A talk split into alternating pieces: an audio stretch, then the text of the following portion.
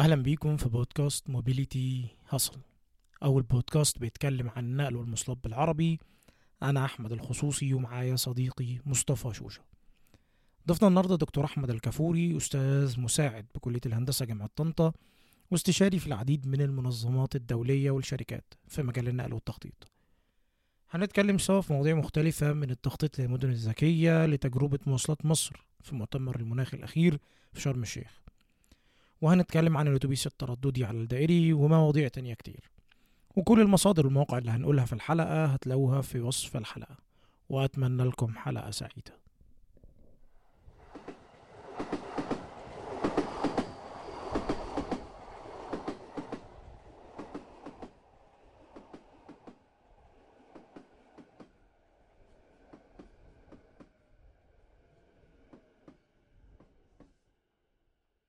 ازيك يا دكتور؟ أخبار حضرتك؟ ازيك يا مصطفى؟ ازيك؟ أنت وحضرتك حضرتك منورنا يعني ربنا يخليك كلنا كويسين والله. آه، و... وأنا بعتز بقى إن أنت تطوي يعني عارف إحنا نفس الجنسية. أحسن ناس ربنا ربنا يبارك فيك ربنا يخليك. أنا بس كنت عايز آه، حضرتك تعرفنا من نفسك بال- في البداية كده آه، من من وقت الدراسة كده وإحنا طالعين لحد ما هنوصل إن شاء الله مع أحمد آه، من نقطة الشغل بأمر الله. تمام اتفضل. تمام. طيب أنا أحمد الكفوري أنا خريج كلية هندسة جامعة طنطا وتعينت معيد في الكلية كنت طالع من الأوائل على الدفعة آه، قسم الهندسه المدنيه تخصص آه، هندسة الأشغال العامة أو ال public works engineering سجلت ماجستير في مجال آه، النقل والمرور وخدت دكتوراه في نفس المجال عن طريق منحة. من وزارة التعليم العالي آه، دي شراكة ما بين آه، برنامج شراكة ما بين دولة اليابان وجمهورية مصر العربية. من خلال الجامعة المصرية اليابانية ومعهد طب التكنولوجيا. وخلصت الدكتوراه عينت آه، مدرس اللي هو دكتور يعني كلية طنطا، آه، في نفس المجال نفس القسم. واتطورت في الأبحاث بتاعتي آه، عملية نشر الأبحاث في نفس المجال. إشراف على رسائل الدكتوراه والماجستير. آه، حاليا يعني داخل على درجة ترقية لدرجة أستاذ مساعد في ال- كلية هندسة جامعة طنطا برضه. واشتغلت في مشاريع دولية من خلال آه، سواء مشاريع بحثية دولية آه، في اليابان عدة دول زي فنلندا و- آه، وفي رومانيا وفي آه، كذلك مشاريع عملية متعلقة بمجال النقل والمرور آه، في جمهورية مصر العربية وم- ومشاريع دولية برضه آه، من خلال التعاون مع عدة منظمات دولية زي برنامج النقل في مصر وبرنامج زد في مصر. كذلك آه، صندوق الدعم السويدي اللي بيدعم عدد عدة مشاريع متعلقة بالبنية التحتية في مصر هو Swedfund آه، برضو شغلي ليا شغل consultation واستشارات هندسية مع عدد من الشركات والجهات في مصر زي هيئة المجتمعات العمرانية ووزارة الإسكان وشركة مواصلات مصر وعدة شركات نقل تانية. وده يعني تعريف سريع كده بأحمد الكفوري لغاية دلوقتي. آه، طبعا سيدي دكتور إحنا أكيد سعداء آه، إن حضرتك آه، مشرفنا النهارده في ال- في البودكاست والله يعني آه، ما شاء الله الله كم ضخم يخليك من المعارف والخبرات. آه، ويعني وسعيد إن الخبرات دي بنكلمها من أرض مصر. إحنا عادة بن بن بنلاقي كم الخبرات ده بشكل أو بآخر بيبقى في- بيبقى مهاجر بره مصر أو بيشتغل بره مصر. فأنا سعيد والله إن ال- حضرتك وخبراتك موجودة في آه، قطاع النقل في مصر. طيب آه، بما إن حضرتك كنت يعني ليك دور فعال كبير جدا آه، في في النقل العام وفي المنظمات الرئيسية المباشرة للنقل العام في مصر. خلينا نتكلم على ال- ال- ال- القاهرة الكبرى حضرتك عارف إنها مدينة ضخمة من ناحية الموبيليتي بنتكلم في حوالي آه، 25 مليون تقريبا رحلة أو حاجة شبه كده من وسائل النقل. المختلفة. حابب أعرف من وجهة نظر حضرتك إزاي ممكن نحقق شبكة نقل أفضل ونحقق المفهوم اللي هو بيتقال عليه دلوقتي ال livable cities اللي هي المدن الحية والتي يمكن. إن إحنا الناس تعيش فيها بشكل مناسب من ال- ال mobility. تمام زي ما أنت قلت كده دلوقتي آه، طبعا إحنا لو اتكلمنا عن القاهرة الكبرى ودي من أكثر المدن الديناميك في العالم فيها حجم طلب على النقل العام آه، كبير جدا مقارنة بأي مدينة أخرى موجودة في أفريقيا على الأقل. آه، عندنا تقريبا 26 مليون رحلة بتتم بالنقل العام كل يوم آه، في القاهرة الكبرى. و26 مليون رحلة دول في تقريبا منهم 60% بيتم باستخدام الحافلات أو الباصات. آه، في الحقيقة إن مفهوم السوبر سيتي ده القائم على إن المدينة متاحة فيها كل وسائل التنقلية والراحة والاستدامة لكل المواطنين في كل الوقت. فده عشان يتحقق انت محتاج ان انت يكون عندك في سهولة في التنقلية أو في الموبيليتي بتاعت الأفراد بتاعت البضائع على مدار الساعة على نطاق المدينة. عمر ده ما هيكون متاح إذا كان نظام النقل العام اللي موجود مش كفء أو مش والنقل العام مقصود بيه إن الناس تبتدي تعتمد على وسائل النقل الغير خاصة آم، سواء بقى النقل ده كان باستخدام الحافلات آه، أو استخدام شبكات المترو أو شبكات القطارات أو حتى النقل التشاركي ما بين الأفراد بينهم وبين بعض. آه، ال concept ده بيحتاج عدة عناصر بيبتدي من ناحية رقم واحد التخطيط إن أنت تكون عارف إن أنت محتاج فعلا إن أنت يبقى عندك livable city وتقدر حجم المشكلة المتاحة عندك وتقيمها من الناحية الاقتصادية والبيئية. إيه كمية الأضرار الاقتصادية اللي بتيجي لو أنت ما طبقتش النقل المستدام إيه كمية الأضرار البيئية اللي بتيجي عندك للأفراد أو للبيئة إذا ما طبقتش النقل المستدام once إن أنت قدرت تقيم حجم المشكلة وتحط إيدك على المشكلة فأنت هيبقى عندك target أو هدف تيجي تشتغل عليه عشان تعمل vision للمدينة دي وتحول. آه بيتعمل تخطيط في المدينة بحيث يبقى فيه integration من كل وسائل موجودة. الانتجريشن ده قائم على سهولة التبادل ما بين وسائل النقل المختلفة وتوفر وسائل النقل المختلفة على مدار الساعة طبقا لأحجام الطلب على النقل. طبعا بيتعمل دراسات للطلب على النقل في المدينة وبتشوف إنت في كل وقت محتاج آه، نقل شكله عامل إزاي وبتبتدي توفره وبتعمل له جداول تشغيل آه، سواء بقى التوفير ده على نطاق زمني أو على نطاق حتى جغرافي. ل- وسائل النقل دي توفر فين؟ في أنهي مناطق؟ إمتى؟ يعني أسعار؟ آه، كيفية التبادل ما بين وسائل النقل دي هل اللي أنت هتبتدي تشجع الناس أو تعمل ما بين قوسين يجبر الناس إنها تسيب عربياتها وتبتدي تعتمد على النقل التشاركي أو النقل الجماعي دوت وإزاي إن أنت هتسهل لهم وتعمل لهم إن هم يتحولوا من النقل باستخدام السيارة خاصة إلى استخدام وسيلة النقل العام؟ وهكذا. فده يعني in general كده ال concept بتاع ال livable city أو ال concept بتاع ال transportation في ال livable city وإزاي إن إحنا نقدر نتوجه ليه. أنا شفت على LinkedIn account بتاعك إن حضرتك متخصص في أكتر من حاجة. بس في مصطلحين كنت عايز حضرتك تتكلم فيهم أكتر باستفاضة اللي هم ال sustainable transport وال transit optimization كنت عايز حضرتك يعني توضح لنا آه، معاني ال- المصطلحات ديت بشكل آه، مفهوم وفي نفس الوقت بشكل مبسط وفي نفس الوقت تقول لنا أهميتهم في حياتنا دلوقتي عشان خاطر ال- المدن ال- ال- اللي إحنا عايشين فيها already والمدن الجديدة اللي إحنا بنطورها وبنستصلحها وما إلى آخره. عظيم عظيم. طيب آه لو بدأنا بموضوع النقل المستدام أو sustainable transport آم، فإحنا مبدأ الاستدامة عموما في أي نطاق هندسي هو قائم على ثلاث أبعاد اللي هم اللي إنك تحافظ على البيئة أو ال environment وال social وال economy once إن ال project بتاعك راعى الثلاث أبعاد دول أثناء عملية التخطيط والتصميم والتنفيذ بتاعه فالمشروع بتاعك ده بقى sustainable؟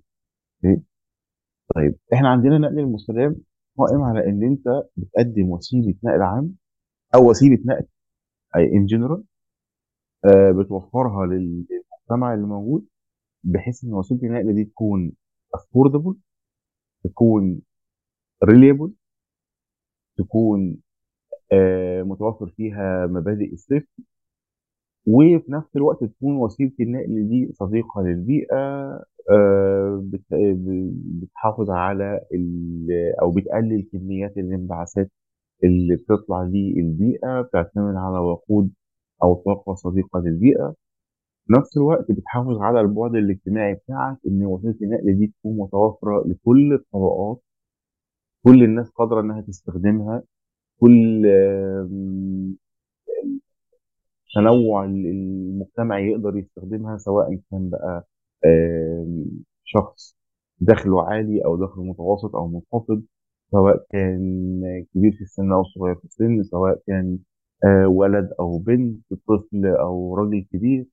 كل دول يقدروا يستخدموها. once إن أنت وفرت ال concept أنا بكلمك من نطاق ال sustainability الأبعاد دي كلها توفرت فأنت كده بقى عندك وسيلة نقل مستدام في أغلب الأوقات آه، بيحصل تنمية بتراعي البعد اللي هو البعد الاقتصادي وبتهمل أبعاد تانية. يعني ممكن يحصل تنمية وتطوير في مجال النقل إن أنت تقول والله أنا هوفر على الناس آه، آه، أخليهم ي- يتنقلوا ويوفروا فيه زمن التنقل آه، بتاعهم من مكان لمكان بدل ما كان فيه زحام فأنا هعمل وسيله نقل تقلل الزحام دوت بس ما بتراعيش الجانب الاقتصادي ما بتراعيش الجانب البيئي.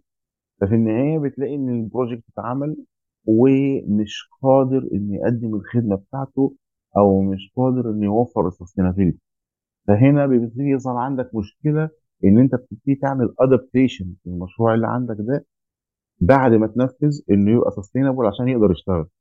وده بيبقى فيه مشكلة شوية في ال planning من الأول يعني. فموضوع توفير النقل المستدام ده موضوع مهم جدا في المجتمع لأن خدمة النقل in general هي خدمة service زيها زي آه، أي facility متوفرة الميه الكهرباء الغاز لل- أو الخدمات المتوفرة للمجتمع يعني. آه، طيب okay. الأول أنا خلصت إجابة السؤال. الأول الصوت كده واضح؟ ده رقم واحد. الصوت ممتاز. طيب آم، الإجابة كده تمام. تحب آه، يعني يمكن ننقل على السؤال الثاني حلو جدا. إحنا ممكن نخش على الترانزيت بقى optimization. Okay. المصطلح التاني. المصطلح الثاني عندنا هو ال transit optimization دوت إن المفهوم بتاعه كلمة optimization إن أنت بتعمل آه، أفضل استخدام للموارد اللي موجودة عندك أو ال resources اللي موجودة عندك بحيث إن أنت آه، تبقى efficient. فانت any city in sustainable city هتوفر فيها أكتر من وسيلة plus وسائل النقل التانية اللي هي ال non-motorized mode زي المشي وركوب العجل وغيرها إزاي إن أنت من خلال ال integration وال planning بتاع ال system كله تقدر إن أنت تعمل optimization بحيث إن أنت تقدر توفر الخدمة على مدار الساعة وفي نفس الوقت تقلل كمية الطاقة المستخدمة. فعلى سبيل المثال ال transit optimization أنت لو انت شغال في project any project وليكن على سبيل المثال القطر الكهرباء مثلا. آه وعندي some resources ال resources اللي موجودة عندي اللي هي ال vehicle أو العربات اللي موجودة عندي القطارات عندي driver عندي demand بيتغير على مدار الساعة على الخط بتاعي. وعندي كمية محدودة من آه، الطاقة الكهربائية اللي أنا أقدر أوفرها لل project ده آه، within ال day فإزاي إن إحنا من خلال تعظيم الاستفادة من الموارد ديت أقدر إن أنا ما أوفرش كمية من القطارات أكتر من اللي مطلوب إنها تت- يتغطى منها الطلب بس ما أجيش في وقت معين ألاقي إن أنا بقدم service أو بقدم كمية من العربيات أو passenger per hour أكتر من المطلوب وبالتالي هيبقى فيه إهدار لكمية الطاقة وساعات العمل بتاعت ال drivers وساعات التشغيل بتاعت القطر أكتر من المطلوب. هنا بيجي ال optimization وده بيتم من خلال في نماذج كتير لل optimization ال algorithm اللي بتعمل ال optimization ده.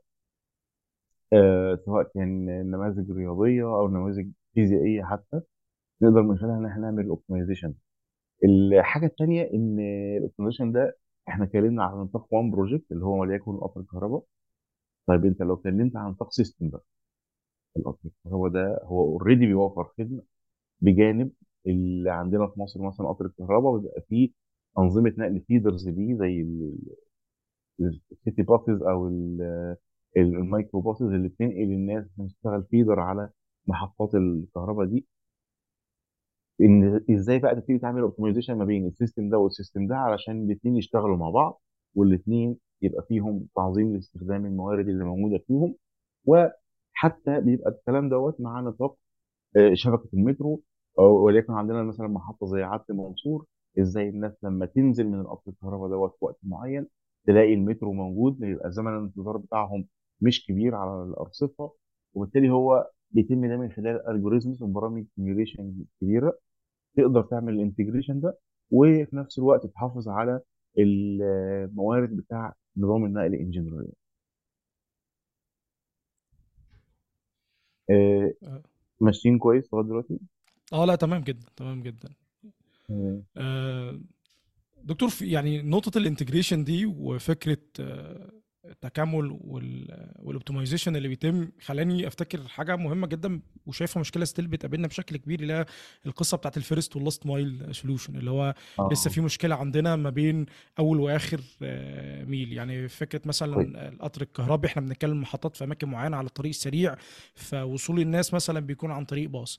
آه، كنت قرأت من مم. فترة مثلا في في المدن الجديدة حاجة زي التجمع. إحنا بنتكلم على اعتمادية الناس على السيارات كبيرة بتوصل لحوالي 74% آه، من ال- السكان عندهم سيارات خاصة بيعتمدوا عليها. ومع إن في آه. شبكة زي مواصلات مصر موجودة في التجمع بس الشبكة التغطية بتاعتها إن أنا لو هنزل في النقطة بتاعتي وأتحرك مسافة مثلا 400 متر اللي هو خمس دقائق حركة آه، التغطية ما بتبقاش كبيرة فإزاي operator سواء آه، في المشغل زي القطر الكهربي أو operator في مدن زي التجمع زي مواصلات مصر إزاي آه، هل في فكرة للتكامل ما بينه وما بين shared mobility تانية إن إحنا أوصل الناس من ال first mile بتاعهم لحد المحطات بتاعتي آه، بدل ما أفضل أعمل خطوط وتفريعات كتير جدا؟ فوجهة نظر حضرتك في حل مشكلة زي دي ممكن تبقى إيه؟ تمام. بص هو ال- مفيش حل للمشكلة دي غير بال data ده ال- الحل ال- إذا أنت سألت على على one word answer تمام؟ ف already إحنا في مواصلات مصر في ال integration ده شغالين عليه دلوقتي. تمام؟ وده يعني مش هيتحقق آه، لأن مش مواصلات مصر مش هي ال provider الوحيد للنقل طبعا في مصر. آه، في خدمات نقل كتير بتتوفر من خلال الحكومة زي أي مشاريع mega project فال integration ده قائم على إن أو ال last mile first و last mile ده قائم على إن أنت بتدرس احتياجات الناس وتنقلات الناس في أوقات معينة. وتبتدي تشغل الناس أو تشغل الخدمات بتاعتك بحيث إن أنت تنقل الناس على ال mega project سواء بقى كان مترو قطر كهرباء LRT قطر سريع any trunk trunk transport system ف لا إحنا في مواصلات مصر حاليا مثلا آه، بنبتدي نظبط الخدمة بتاعتنا على اعتبار جداول التشغيل بتاعه آه، القطر آه، الكهرباء على سبيل المثال. من دلوقتي بنبتدي بنعمل integration مع المونوريل آه، المحطات بتاعت المونوريل درسناها عرفنا أماكنها كويس جدا.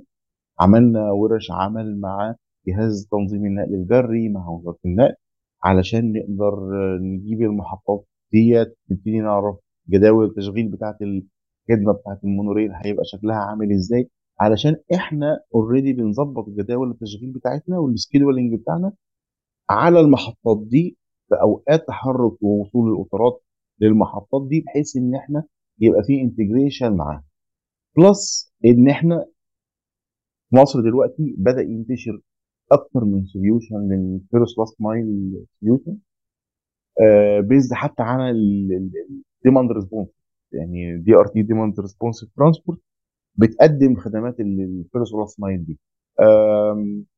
ممكن يعني مش عارف لو مسموح لي ابتدي أقول آه، أسامي شركات أو حتى لو مش مسموح ولكن آه، في شركات بتقدم الخدمة دي حاليا في مصر من خلال سمول في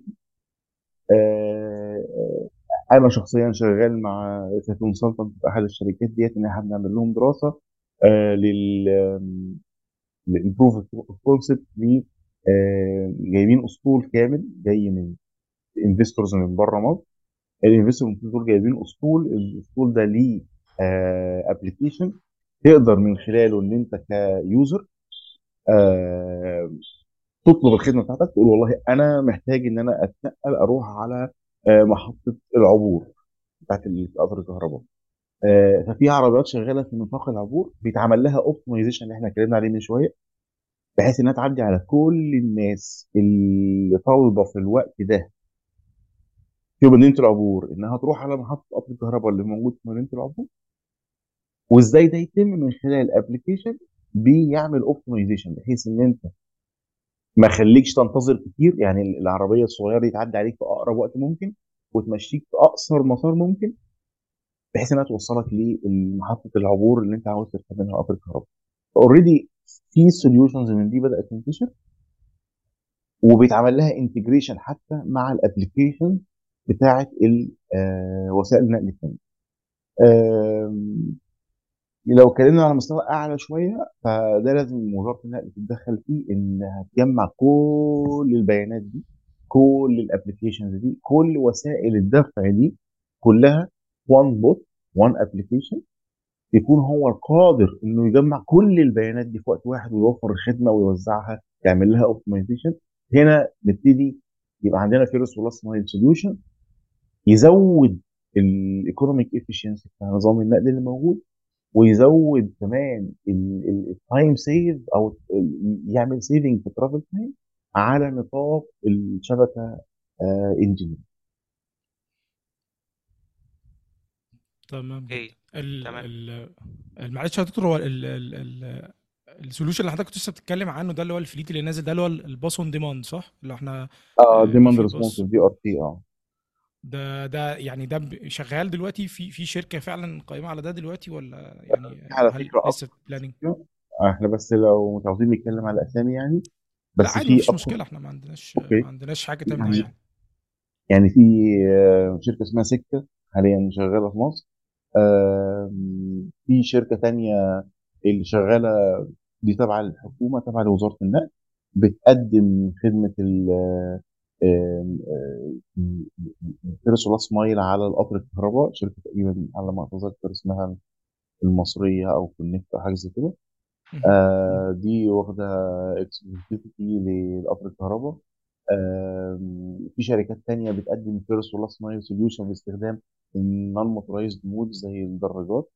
آه، عندك آه، تبديل عندك كايرو بايك كل دي شركات بتقدم خدمة ال first و last mile باستخدام non-motorized modes ولكن على نطاق motorized modes لا في أسطول في آه، fleet كامل نازل اتعمل له proof concept مصر هنا هيكون وحاليا باصات يا دكتور صح؟ آه، مش باصات بالكبيرة لا إحنا بنتكلم في small commercial vehicles سبعة أو ثمانيه راكب تمام؟ بحيث إن يبقى عندها flexibility في ال maneuver آه، خلال المدينة آه، تجمع الناس وتنقلهم على الايه آه، إيه يعني الوجهة بتاعتهم. آه الوجهة بتاعتهم اللي هي محطات ال- ال mega project أو ال mass transit stations اللي موجودة في المكان تمام؟ آه، خلي بالك إن من ضمن ال- برضه نقطة هنا مهمة آه، أنت علشان تزود ال ridership بتاع أي نظام تمام؟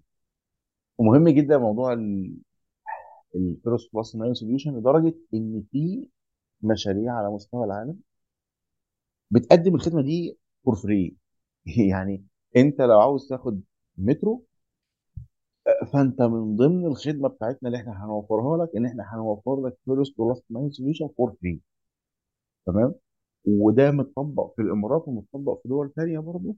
آه أوروبية والتجارب أثبتت إن هو بيزود ال ridership بشكل كبير جدا في وقت صغير جدا. تمام؟ آه فدي نقطة مهمة جدا موضوع ال first mile ده خصوصا عندنا في مصر هنا بالنسبة للأطفال والسيدات. يعني أنا م- كحكم المجتمع عندنا هنا والثقافة و- آه، والطابع الشرقي بتاعنا فمش كل سيدة تقدر تنزل لوحدها إنها تاخد عربية تاكسي عشان تروح تركب مترو. فمحتاج إن يبقى في الخدمة دي متوفرة علشان نبتدي نزود ال ridership على المشاريع الضخمة اللي بتتعمل دلوقتي وبتصرف عليها فلوس كتير تمام يا دكتور زي الفل زي الفل. آه، إن شاء الله بأمر الله هن- هن- هندردش مع بعض في أكتر من آه، من topic بس أنا كنت عايز أبدأ مع حضرتك في المدن الذكية. مصطلح ال- ال- المدن الذكية أو ال smart cities إيه الفرق ما بين المدن الذكية والمدن ال- الحالية اللي موجودة already في في في مصر في ال- في الجمهورية؟ وإزاي نبدأ نطور ال- ال- المدن اللي هي موجودة؟ هل الموضوع بس محتاج فلوس ولا محتاج حاجات تانية؟ حضرتك يعني هت... هتقول لنا أكتر. تمام يا مصطفى تمام. طيب خلينا برضو بشكل عام مش في مصر عموما مبدأ المدن الذكية عموما. في أي مكان هو قائم على تجميع بيانات آه، بشكل دقيق في وقت قصير وتحليل البيانات دي واتخاذ قرار تطبيقه. تمام؟ يبقى in general كده أنا عاوز أجمع بيانات بشكل سريع أعمل لها analysis آخد decision وأبتدي أطبق الايه ال decision تجميع البيانات حاليا بقى على مستوى العالم آه، حاجة very convenient باستخدام sensors ال sensors دي بقت very cheap سواء عاوز تجمع بيانات عن flow بتاع مية آه، sensor على بوابات بيعد أعداد الناس اللي داخله واللي طالعة sensor درجة حرارة آه، sensor حتى لاهتزازات ومستوى الإضاءة. ال sensors دي بقت very cheap وبتتحط في system integrated system تقدر تاخد القراءات دي بشكل real time تجميع البيانات دي وتحليلها يبتدي يديك قرار. على سبيل المثال أنا لو شفت إن آه، في منطقة معينة في المدينة بدأ يبقى فيها flow كبير جدا على البوابات من الناس. فمن خلال تحليل البيانات دي واستخدام crowd modeling أبتدي أعمل prediction لأ أنا هوصل لمرحلة إن في crowd سواء المنطقة دي مثلا وليكن استاد مثلا. لا يا جماعة ده أنا داخل على في crowd formation بيبتدي يتشكل عندي. لا أنا هبتدي أعمل control على الناس همنع الناس إنها تتحرك في اتجاه الاستاد ده في الوقت ده علشان أمنع وقوع لا قدر الله آه، حادث أو حدوث زحام أو غيره في نفس الوقت آه، بعض ال sensors اللي بتركب على أعمدة الاناره اللي موجودة في الطرق. آه، لما بيوصل ال illumination natural illumination أو مستوى الإضاءة الطبيعي اللي موجود لمستوى معين ينخفض ينخفض. لما يوصل لحد معين تبتدي الإضاءة تشتغل لوحدها على الطريق. وده موجود حتى مش في المدن الذكية موجود آه، حاليا على الطرق المصرية كلها. فمفهوم المدن الذكية قائم على تجميع البيانات وتحليلها وقت قصير قرار آه، الحقيقة إن مصر خدت خطوات كبيرة في الاتجاه ده. وكان في قرار من أول آه، 2016 إن أي مدينة تتعمل في مصر تبقى مدينة ذكية. ليه؟ الموضوع مش موضوع فانتزي يعني الموضوع إن إحنا آه لقينا لأ آه، المدن الذكية دي حاليا آه تحليل البيانات ده بيوفر معايا كتير جدا من ال- ال- الفلوس يعني. يعني أنا لما أقدر أعرف إن آه، حجم استهلاك الكهرباء في منطقة ما آه، حدث تسريب تحت الأرض في مواسير مياه في منطقة ما أقدر أعرفه لا ده أنا هقدر أكنترول المشكلة وأحلها في وقت قصير قبل ما تتفاقم فالتقييم الاقتصادي والدراسة الاقتصادية اللي حصلت لقيت إن على المدى البعيد المدينة الذكية هي أوفر من المدينة ال conventional الموجودة الحالية اللي بتتبنى بشكل عادي يعني. فاتخذ تم اتخاذ قرار في 2016 إن كل المدن ال satellite cities أو ال new urban communities اللي بتتم في مصر تبقى كلها عن نطاق مدن ذكيه فشايفين عندنا وبدأ يبقى في أجيال يعني في الثاني والثالث والرابع وداخلين على الجيل الخامس من المدن الذكية في مصر دلوقتي. آه، أكبر مثال عليها عندك العاصمة الاداريه المنصورة الجديدة آه، العالمين الجديدة. كل دي مدن آه، قايمة على نظام السمارت سيتيز. بيتم فيها تجميع بيانات وتحليل لو تخزينها حتى آه، بشكل لحظي. آه، لا أنا شايف إن مصر في اتجاه المدن الذكية بدأت تاخد خطوات سريعة يعني. آه، على نطاق الأشخاص حتى القطاع الخاص آه، بدأ يبقى في added value يعني أنا النهارده لما بعمل compound وبقول إن ال compound بتاعي smart ويبقى فعلا smart مش بس بقول إنه smart فده بيزود ال value بتاعتي واقدر أبيع بسعر أعلى تمام؟ آه، غير طبعا نظام الذكاء اللي إحنا عارفينه العادي في في في نظام النقل يعني يعني طبيعي already أي مدينة ذكية أكيد إن ال traffic control system فيها وال passenger information system فيها آه، أكيد very smart تمام؟ تمام. خلينا نكمل على نفس نقطة ال data برضو. آه خلينا نتكلم على تجربة شرم الشيخ آه تجربة ست شهور تقريبا. آه يعني عايز حضرتك تاخدنا في رحلة كده سريعة من أول مرحلة يعني الفكرة كانت موجودة آه إزاي بنبلان لحاجة زي كده وإزاي بناخد قرار بعدد المسارات عدد المحطات الفليت حجمه قد إيه يعني التفاصيل دي آه، هل الحكومة بتيجي تقول لنا والله يا مواصلات مصر إحنا محتاجين وليكن أنا عارف إن الفيت 260 فإحنا محتاجين 260 باص مثلا كلهم. كهرباء أو في غاز طبيعي يعني إزاي ال- السيناريو ده بيتم يا دكتور؟ okay طيب. إحنا شركة آه، مواصلات مصر هي شريك مع وزارة النقل آه، في شركة PPP يعني الموديل بتاعها PPP آه، اسمها اكت تمام؟ فاللي حصل إن مصر خدت حق استضافة آه، قمة آه، 27 لقمة المناخ آه، في شهر 6 22 تقريبا على ما ابتدى إعداد للقمة. طبعا قمة المناخ دي بتتم ب- تحت إشراف أو المنظم ليها الاورجنايزر ليها هو برنامج الأمم المتحدة. تمام؟ وأنت كدولة تبقى دولة مستضيفة. زي نظام كأس العالم بالظبط. المنظم هو الفيفا والدولة المستضيفه هي بتختلف. تمام؟ آه فالدوله المستضيفه كانت مصر مستضيفة الشيخ أوكي.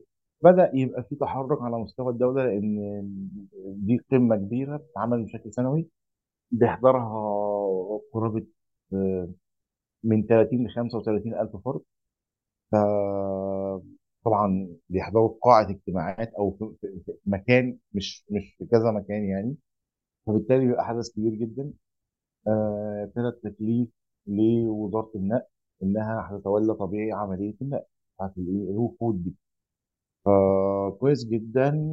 بدأت وزاره النقل تتكلم عملت اجتماعات وبعدين آه، اجتماعات استشارية حضرتها وحضرها شركة مواصلات مصر حضرها الستيك هولدرز يعني اللي هم شركات زي الموفرة للشواحن شركات موفرة للباصات. وتم إصدار قرار بتكليف شركة أكل إنها تتولى عملية توفير خدمات آه، نقل الوفود في مدينة شرم وكان قرار ال- الوزارة إن لأ أنا مش هنقل وفود أنا عاوز أوفر نظام نقل الموضوع مش موضوع آه، تفويج يعني تمام؟ لأ أنا عاوز أوفر public transportation system في مدينة شرم الشيخ. يبتدي يخدم المدينة عموما من ضمنها الناس اللي هتتنقل إنها تروح المدينة أو غيرها ومن ضمنها السياح ومن ضمنها المواطنين العاديين اللي موجودين في المدينة. فحصل الكلام ده التكليف ده كان في شهر يناير تقريبا 2003 2022 على ما أتذكر آه 2022 آه لا يا ربي كان في شهر آه، أربعة أو خمسة آه أربعة 2022 وكان معانا وقت تقريبا ست شهور بس. يعني إحنا هنبتدي نحول المدينة كلها إلى آه نظام نقل مستدام. وكان برضو رغبة الحكومة إن نظام النقل بما إننا إحنا بنتكلم على قمة مناخ يكون صديق للبيئة ومستدام مستدام. يعني زي ما اتفقنا من شوية يراعي البعد الاجتماعي والاقتصادي والبيئي. فطبعا أنا عاوز أقول لك إن عملية تحول مدينة لنقل مستدام ده يعني في سنغافورة مثلا العاصمة بتاعتها سنغافورة لما لما خدوا نفس القرار الموضوع ده خد معاهم ست سنين علشان يتحولوا لنقل مستدام فكان عندنا challenge كبير جدا اضطرينا إن إحنا يبقى في coordination عالي جدا آه، بما إن إحنا كان ال steering committee تحت إشراف وزارة النقل وكانت بتقودها شركة اكتا آه، كان في steering committee بقى قعدنا مع مصنعين بتوع الباصات آه، مع الموفرين بتوع الشواحن عملنا coordination و technical coordination إزاي إن إحنا لأول مرة هنبتدي نشتغل بباصات كهرباء. طب حي... يا جماعة الشواحن دي compatible مع باصات الكهرباء ولا لأ؟ طب ال specification بتاع باصات الكهرباء ال performance بتاعها عامل إزاي؟ عملنا تجارب خدنا باصات جربناها علشان كل دي inputs أنتوا عارفين بتخش في ال operation design وال transport planning عموما يعني. آه بدأنا نجمع كل ال design criteria المطلوبة. آه عملنا review دراسات التجارب حتى المدن بره اللي بتستخدم باصات كهرباء عشان ناخد reference منها لشغلنا قدرنا في الآخر إن إحنا نوفر كان المطلوب إن إحنا نوفر 260 آه باص. طبعا المطلوب ده مش قرار ده مطلوب نتيجة ال demand اللي هيتوفر في المدينة لأن إحنا برضو قعدنا عملنا جلسات مع اللجنة المنظمة اللي هي الأمم المتحدة آه، خدنا منهم بيانات أعداد الناس اللي بتيجي قد إيه في القمم السابقة مثلا. اللي قبليها كانت آه، جلاسكو في اسكتلند طب بيجوا إزاي ال behavior بتاع الناس؟ آه، أو ال demand behavior على مدار الساعة بيبقى شكله عامل إزاي؟ آه، في أوقات القمة يعني هل بيبقوا الصبح بالليل؟ الكثافات بتبقى عاملة إزاي؟ خدنا كل البيانات دي سابقة عملنا لها analysis طلعنا ال- البيانات بتاعتنا المطلوبة عرفنا ال demand شكله هيبقى عامل إزاي على مدار اليوم. وعلى مدار الساعة حتى آه، بس بدأنا نعمل design للمدينة بالكامل. ما كانش في مسارات في المدينة. عملنا رفع مساحي كامل للمدينة فريق رفع مساحي. آه، طبقا للطبوغرافيا الم- المدينة طبعا لأن شرم الشيخ الطبيعة بتاعتها مش flat فخلي بالك إن ده بيعمل link مع ال performance بتاع باصات الكهرباء. فأنت لأن باص الكهرباء لما بيمشي على أرض منحدرة غير لما بيمشي على أرض on grade أو ال flat surface بيأثر على شحن الب- الباص و... و... و... وحتى ال driving behavior بتاع السواق. فبالتالي لما ترجع بالعملية دي one step by one step هتلاقي إن ده بيأثر معاك في الآخر في توفير الباص على مدار اليوم. تمام؟ فلقينا إن إحنا محتاجين in total 260 باص ال 260 باص دول علشان نقدر نوفر بيهم الخدمة بالشكل ده بال criteria دي على مدار السنة. okay ال 260 باص كان متاح منهم؟ آه 140 باص كهرباء. وبالتالي كان القرار إن يبقى في 120 باص تاني صديق للبيئة بيعمل بالغاز آه okay. خدنا ال fleet بدأنا نشرف على تنفيذ ال infrastructure بتاع الشواحن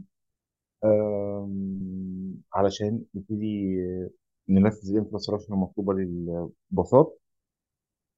آه، حطينا خطة الشحن بتاع الباصات عاملة إزاي. كل ال schedules تمت وال driver schedules الباص schedule dispatching بتاعهم آه، اتعمل له design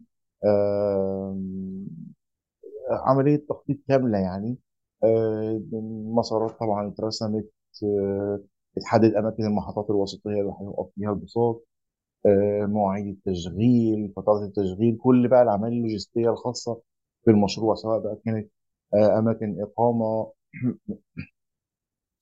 إزاي هتوفروا للناس أكل هتوفروا للناس آه، تريننج حتى للناس لأن كان لأول مرة في مصر بينطبق مشروع ضخم بالحجم دوت باستخدام جزء كبير من باصات الكهرباء فالسواقين حتى كانوا مستغربين باص الكهرباء طب يعني محتاجين إن إحنا نخلي السواق يعرف يعني إيه باص كهرباء يسوقه إزاي ال acceleration بتاعه يبقى عامل إزاي إمتى يقف إمتى ما يقفش آه لما يقرأ شاشة الباص إزاي وال charging status بتاعه عامل إزاي وسو يعني.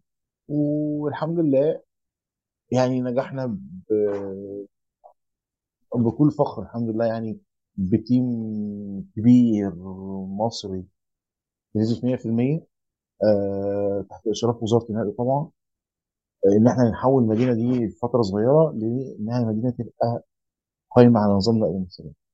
المشروع خدم الناس اللي جاية تحضر القمة، خدم المواطنين العاديين، خدم السياح الموجودين في المدينة، آه بدأت السياح حتى في ناس ما كانتش جاية أصلا القمه يعني كان بيروح من من الفندق بتاعه عاوز يروح آه، شط تاني أو مكان تاني كان بيستخدم الباص. والخدمه كانت موفرة بشكل مجاني وده كان آه حاجة يعني appreciated جدا من الأمم المتحدة. وزاره النقل وفرت الخدمة بشكل مجاني فكان ال ridership عالي جدا. يعني عاوز أقول لك إن ال ridership إحنا كنا بنوصل ل 70 و80% في ساعات زي الساعة 1 بالليل و2 بالليل يعني. تمام. بس ده يعني تجربة شرم الشيخ اللي تمت بشكل سريع يعني. تمام جدا. تمام. أه دكتور فكرة إن إحنا ما ما نعيدش اختراع العجلة ونحاول نشوف إحنا نستفيد من تجاربنا اللي فاتت أو تجارب الناس ال- اللي فاتت. أه، لو طبقنا الكلام ده على المشروع اللي حضرتك كنت شغال فيه بتاع أه، شرم الشيخ اللي كنا لسه بنتكلم عليه دلوقتي.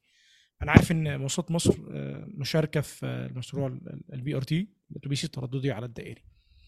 من التجربة خاصة مع الباصات يعني إحنا كنا بنتكلم على ال fleet كان آه، mix آه، ما بين كهرباء وما بين باصات آه، غاز آه، غاز طبيعي آه، صديق. للبيئه آه، الاتوبيس الترددي دي أول ما اتقال انه هيبقى كله كهرباء. فمن التوصيات بتاع حضرتك في كمواصلات مصر يعني. هل هيبقى فعلا ال fleet كله كهرباء وهل الموضوع ده مرتبط ماديا يعني إن تكلفة ال- الأتوبيس الكهرباء عالي شوية فإحنا جبنا mixed آه، مع العلم إن ال- اللي أنا أعرفه إن ال running cost أو التكلفة بتاعت الصيانة وال operation بتاعت الأتوبيسات الكهرباء أقل. فيعني اللي خرجتوا بيه من التجربة نفسها عشان ننقله كتوصيات حتى للمشروع الأتوبيس الترددي في جزء آه، جزئية ال- الباصات. هل نستخدم كهرباء؟ بس آه، المشاكل اللي قابلتنا كشواحن والحاجات دي. ممكن حضرتك تكلمنا عن النقطة دي شوية؟ okay تمام. آه طيب. كل كل تجارب المدن اللي عملت تحول لنقل صديق للبيئة نقل عام صديق للبيئة ما تمش التحول فيها ده بشكل aggressive يعني تمام؟ حتى في curveات آه، منشورة في أبحاث عمليه التحول دي تتم بشكل بنسب شكلها عامل إزاي يعني؟ المدن اللي خدت قرار إنها تتحول بالكامل فجأة من النقل باستخدام ال- الديزل الباصات العامله بالديزل إلى الكهرباء مرة واحدة قابلها مشاكل كبيرة جدا تمام؟ مشاكل على نطاق ال availability بتاعت ال fleet لأن fleet الكهرباء مش متاح نفس الإتاحية بتاعه ال fleet الديزل وقت الشحن بتاع ده مختلف عن ده. فأنت علشان تغطي ال demand اللي كنت بتغطيه بالباصات اللي بتعمل بالوقود الأحفوري ده محتاج fleet كهرباء كبير جدا. fleet الكهرباء كبير جدا محتاج infrastructure كبيرة جدا. فالعملية complicated يعني. تمام؟ فلو لاحظنا التجارب اللي بتتم على مستوى العالم زي اللي تمت مثلا طبعا number 1 في الصين دلوقتي. الصين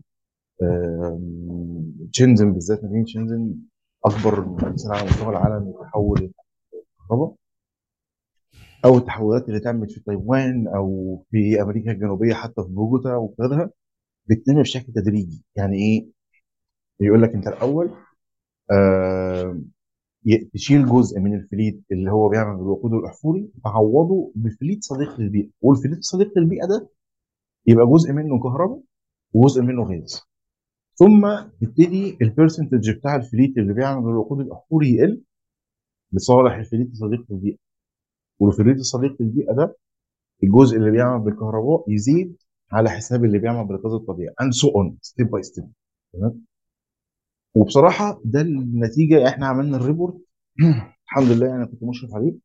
آه، طلع عملنا analysis لكل النتائج بتاعتنا اللي تم في شرم الشيخ آه، وكانت التوصيات بتاعتنا إن إحنا آه، عملنا simulation حتى يعني simulation إن إذا ما كناش استخدمنا ال- ال- الغاز- الباصات اللي بتعمل بالغاز الطبيعي.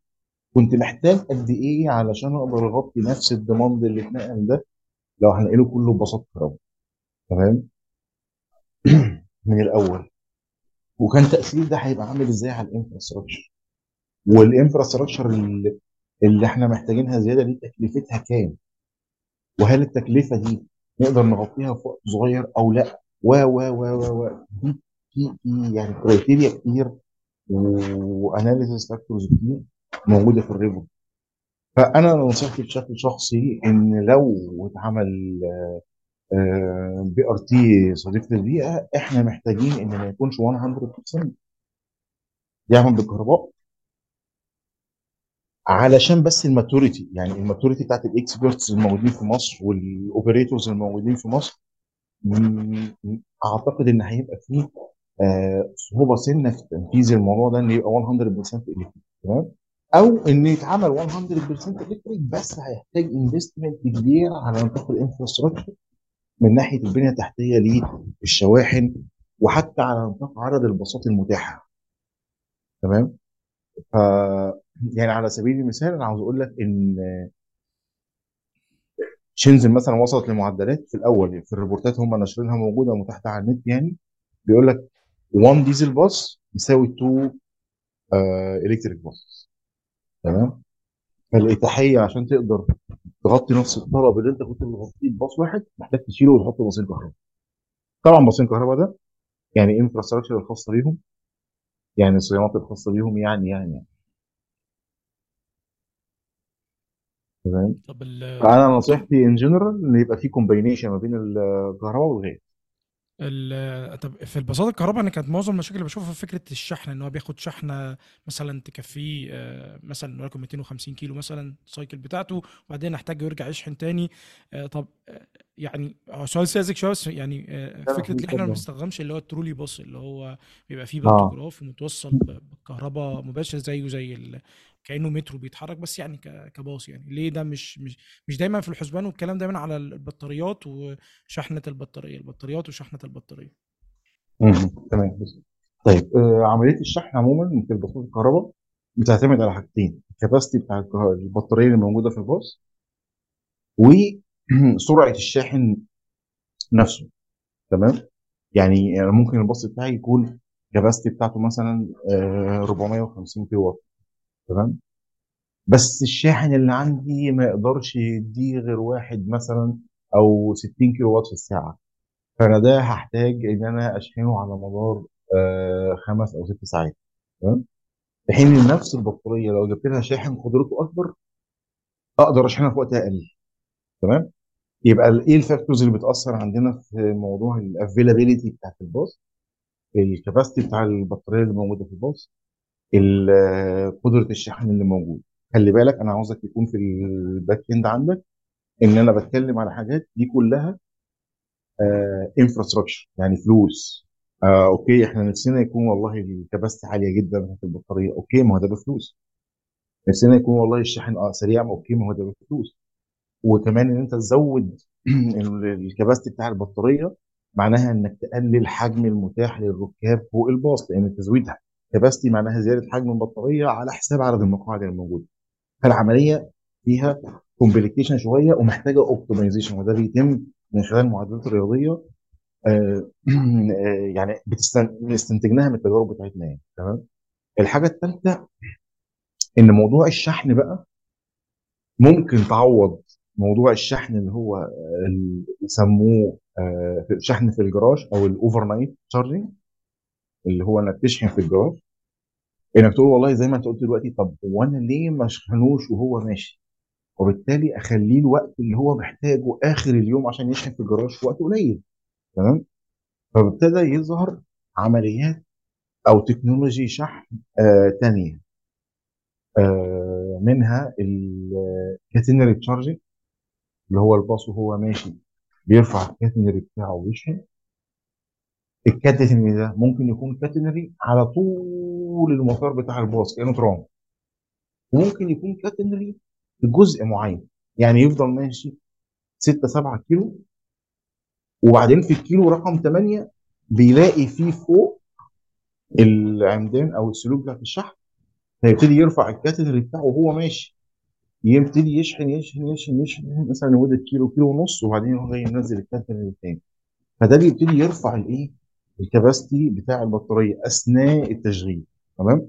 فبيقلل الوقت اللي أنت محتاجه في آخر اليوم عشان تشحن البطاريه آه ففي أنواع كتير في برضه شحن تاني اسمه ال inductive. ال inductive ده اللي هو إن الشحن بيتم من تحت الباص وهو ماشي نفسه البطاريات بتبقى موجودة وبيطلع وهو واقف في المحطة في ال station ينزل الركاب بيقوم طالع حاجة من تحت زي socket داخل في البطارية لمدة مثلا 30 40 ثانية يشحن ويقوم نازل تاني ويتحرك ان اون تمام؟ فتكنولوجيا الشحن تكنولوجيا كبيرة جدا وأنواعها كتير جدا ولكن محتاجة دراسة محتاجة إن يكون عندك capacity أو experts في المجال دوت. تمام؟ آه، بيتعمل دراسات عليه وإن إيه الأفضل المتاح بالنسبة لك في مصر. يعني مش كل ال- ال technology متاحة لكل البيئات اللي موجودة في العالم. يعني في دول ما ينفعش فيها مثلا شحن بلاتينيوم تمام؟ آه وبيختلف من project ل project تمام؟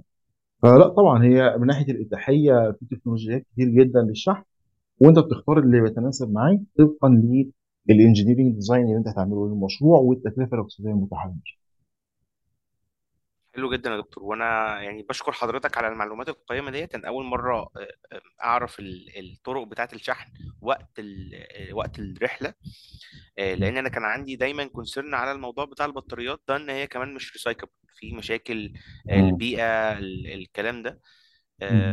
فكنت دايما حاسس إن أنا يعني إيه مش حابب ال- الفكرة بس بقت الفكرة نوعا ما interesting بسبب ال ال ال ال- الطرق بتاعت الشحن اللي حضرتك قلتها وقت المحطة أو في حتة معينة وقت الرحلة أو whatever يعني. آه، عايز أتكلم مع حضرتك عن الحوادث تمام؟ آه okay. آم، في علم آه، كبير يخص ال analysis بتاعت ال- ال- الحوادث في ال- في ال- في العالم سواء كان سكة حديد سواء كانت آه، طيارات سواء كان أي حاجة. كنت عايز حضرتك تتكلم معانا أكتر عن ال- الموضوع ده وإزاي بيعملوا وقت ما بتحصل حادثة آه، حادثة ما إزاي بيعملوا analysis و investigation وما إلى آخره. تمام تمام. طيب. لما اتكلمنا عن موضوع الحوادث ففي كودات على مستوى العالم آه، بتقول لك إن أنت بشكل practical إزاي تقيس الحادثة تمام؟ وبيتم تقييم الحادثة من على على two scales ال fatality بتاعتها وال سموها ال- اللي إحنا قلنا ال fatality وال اللهم صل على سيدنا محمد. دي واحدة. اسمها معايا آه تمام. في في على مستوى العالم في كودات بتحدد لك بشكل practical إزاي تقدر تقيس الحوادث بتاعتك دي آه، بتقيسها من عن طريق ال severity وال fatality بتاعتها ال fatality بتاعتها فعلى سبيل المثال الحادثة دي ال severity بتاعتها بتتقيم على scale من واحد لعشرة هل severity واحد اتنين حسب بقى ال- الأضرار اللي حصلت آه، هل هو مجرد آه، crash هل هو مجرد total collapse؟ هل هو مجرد آه، حسب الدرجة بتاعت ال severity بتاعتها. ال fatality يعني كم واحد آه، لا قدر الله توفى أو حصل له آه، إصابة والإصابة دي حجمها قد إيه ومداها قد إيه وكده. طبعا تحليل ال- ال- الحوادث بيختلف دي بقى بتعتمد على نظام نقل كل نظام نقل ليه يعني تحليل. يعني مثلا حوادث الطرق غير حوادث القطار فحوادث الطرق لما تيجي تتقيم بيتعمل لها موديلنج يعني تبتدي تشوف هو اشمعنى الحوادث بتحصل في المكان ده؟ واشمعنى بتحصل في الوقت ده؟ واشمعنى بتحصل مع العربيات النص نقل؟ مش العربيات الملاكي ولا العربيات اللي هي التريلات تبتدي تاخد ال factors دي وتبتدي ترصد بقى وتبتدي تشوف ال relation ما بين كل ال factors دي تمام؟ عشان تقدر توصل للسبب اللي بيخلي فيه حوادث. يعني على سبيل المثال أنا كان في مكان ما يعني آه، في مدينة هنا في مصر كان بيحصل فيه حوادث كتير.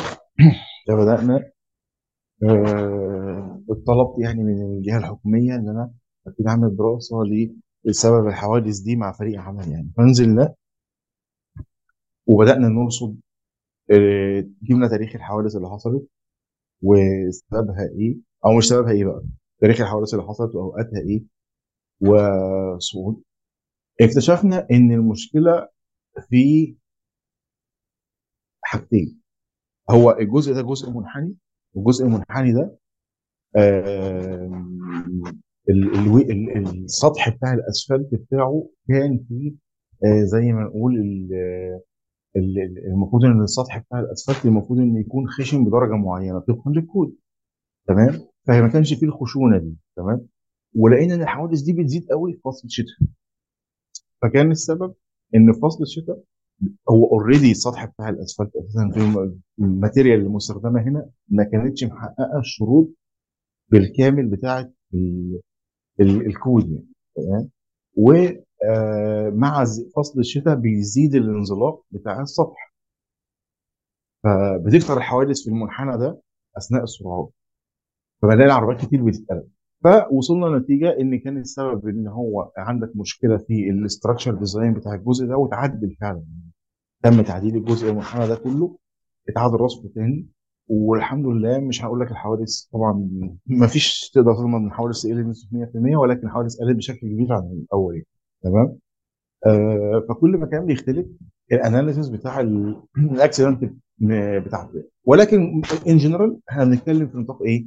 إن أنت وقت وقوع الحادثة تقدر تجمع بياناتها وانس إن أنت جمعت بيانات الحادثة اللي حصلت على على مدار بقى آه عدد معين من الحوادث تقدر توصل للسبب ماشي آه يعني على نطاقكم أنتوا مثلا في القطارات أنتوا محتاجين إن أنتوا أي وقت حصل فيه إصابة أو تدافع عند البوابات الدخول أو الخروج عند القطر تبتدي ترصدها وتشوف تعمل criteria للحادثة دي آه تمت إمتى؟ الساعة كام؟ آه كان سنه قد إيه؟ كان شايل شنطة؟ مش شايل شنطة؟ وتبتدي تخزن البيانات دي كلها عشان يبقى عندك زي record كده على مدار السنين أو مدار الأيام تقدر تحلل بيه الحوادث. ممتاز يا دكتور. آه، على ذكر ال- ال- الملف ده كنت عايز أتكلم مع حضرتك كمهندس مدني عن الطريق. دي ال infrastructure حاجة حيوية جدا حاجة vital جدا كل الناس بتمشي عليها. آه، هل دايما آه، الحل الوحيد إن أنا أطور الطريق وأخليه paved وأخليه level أو leveled إن أنا أكسر وأعمل تاني طبقة اسفلت ولا أقدر ان أنا اطوره تاني بطرق افضل بطرق اسرع بطرق اوفر.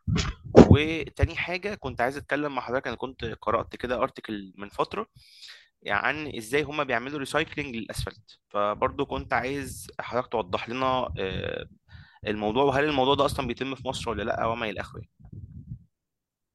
كويس جدا. طيب إحنا آه معلش أنا أنا دايما يعني شخصيا شغلي كله آه بحب أتوجه لموضوع الاستدامه تمام؟ يعني ما بنفكرش وعاوزكم أنتوا برضه يا شباب تبقوا متخذين نفس يعني أنصحكم بكده لأن هو ده اللي, ش... اللي موجود حاليا وده اللي شغال حاليا وده المستقبل. إن أنت يبقى في عندك استدامة في أي حاجة حتى في حياتك اليومية تمام؟ آه أي ال technology كلها وال research كله على مستوى العالم دلوقتي قائم sustainable oriented فعلى سبيل المثال في ال pavement engineering آه ظهرت تكنولوجيا التكنولوجيا دي بدأت تظهر يظهر لها أبحاث في آه أوائل الثمانينات على ما بقت mature شوية. دخلنا في أوائل الألفينات بدأت تتحول ل application من 2002 2003 وانت طالع وبقى فيها investment و آه، تحول لنطاق applicable بقى يعني. لا طبعا. آه، علشان تقدر تطور طريق لو كان قرارك هو تطوير طريق ف آه، في pavement recycling technology كتير جدا موجود آه، في ريسايكلينج ل انت لو درسنا طبقات الرصف عندنا طبعا ال wearing surface وال base وال sub-base وال sub-base في recycling لل wearing surface لغاية ما توصل إنك تعمل recycling لل whole section لغاية ال sub-base تمام؟ فحسب الحالة بتاعة كل قطاع تقدر تاخد القرار إنك هتعمل ريسايكلينج ل آه أنهي material بالظبط أو أنهي section تمام؟ ال recycling ده إما إنه بيبقى بشكل cold technology يعني على البارد أو ب hot technology إنه بيتم على الساخن. اللي بيحصل إن بيتعمل آه كشط للسطح اللي أنت قررت إنك هتشيله بمكن المكن ده بيعيد خلط الكلام ده تاني أو آه، تذويبه الأول إذا كان القرار ده بيتم على الساخن وإعادة الخلط مرة أخرى ثم إعادة الرصف للقطاع بالكامل تاني. آه سواء بقى يعني وأنت بتعمل الريسايكلينج ده ممكن تحط إضافات أو ما تحطش اضافات برضو ده بيعتمد على ال design أو ال structure design بتاع ال- ال- الطريق يعني. في شركات كتير في مصر اشتغلت في الموضوع ده. منهم شركة زي اسمها شركة اسمها الشركة المصرية آه تقريبا على ما أتذكر الشركة المصريه الشركة المصريه الذاتيه ل آه، إعادة الرصف تمام؟ أو الشركة الذاتية المصرية لاعاده الرصف حاجة زي كده يعني تمام؟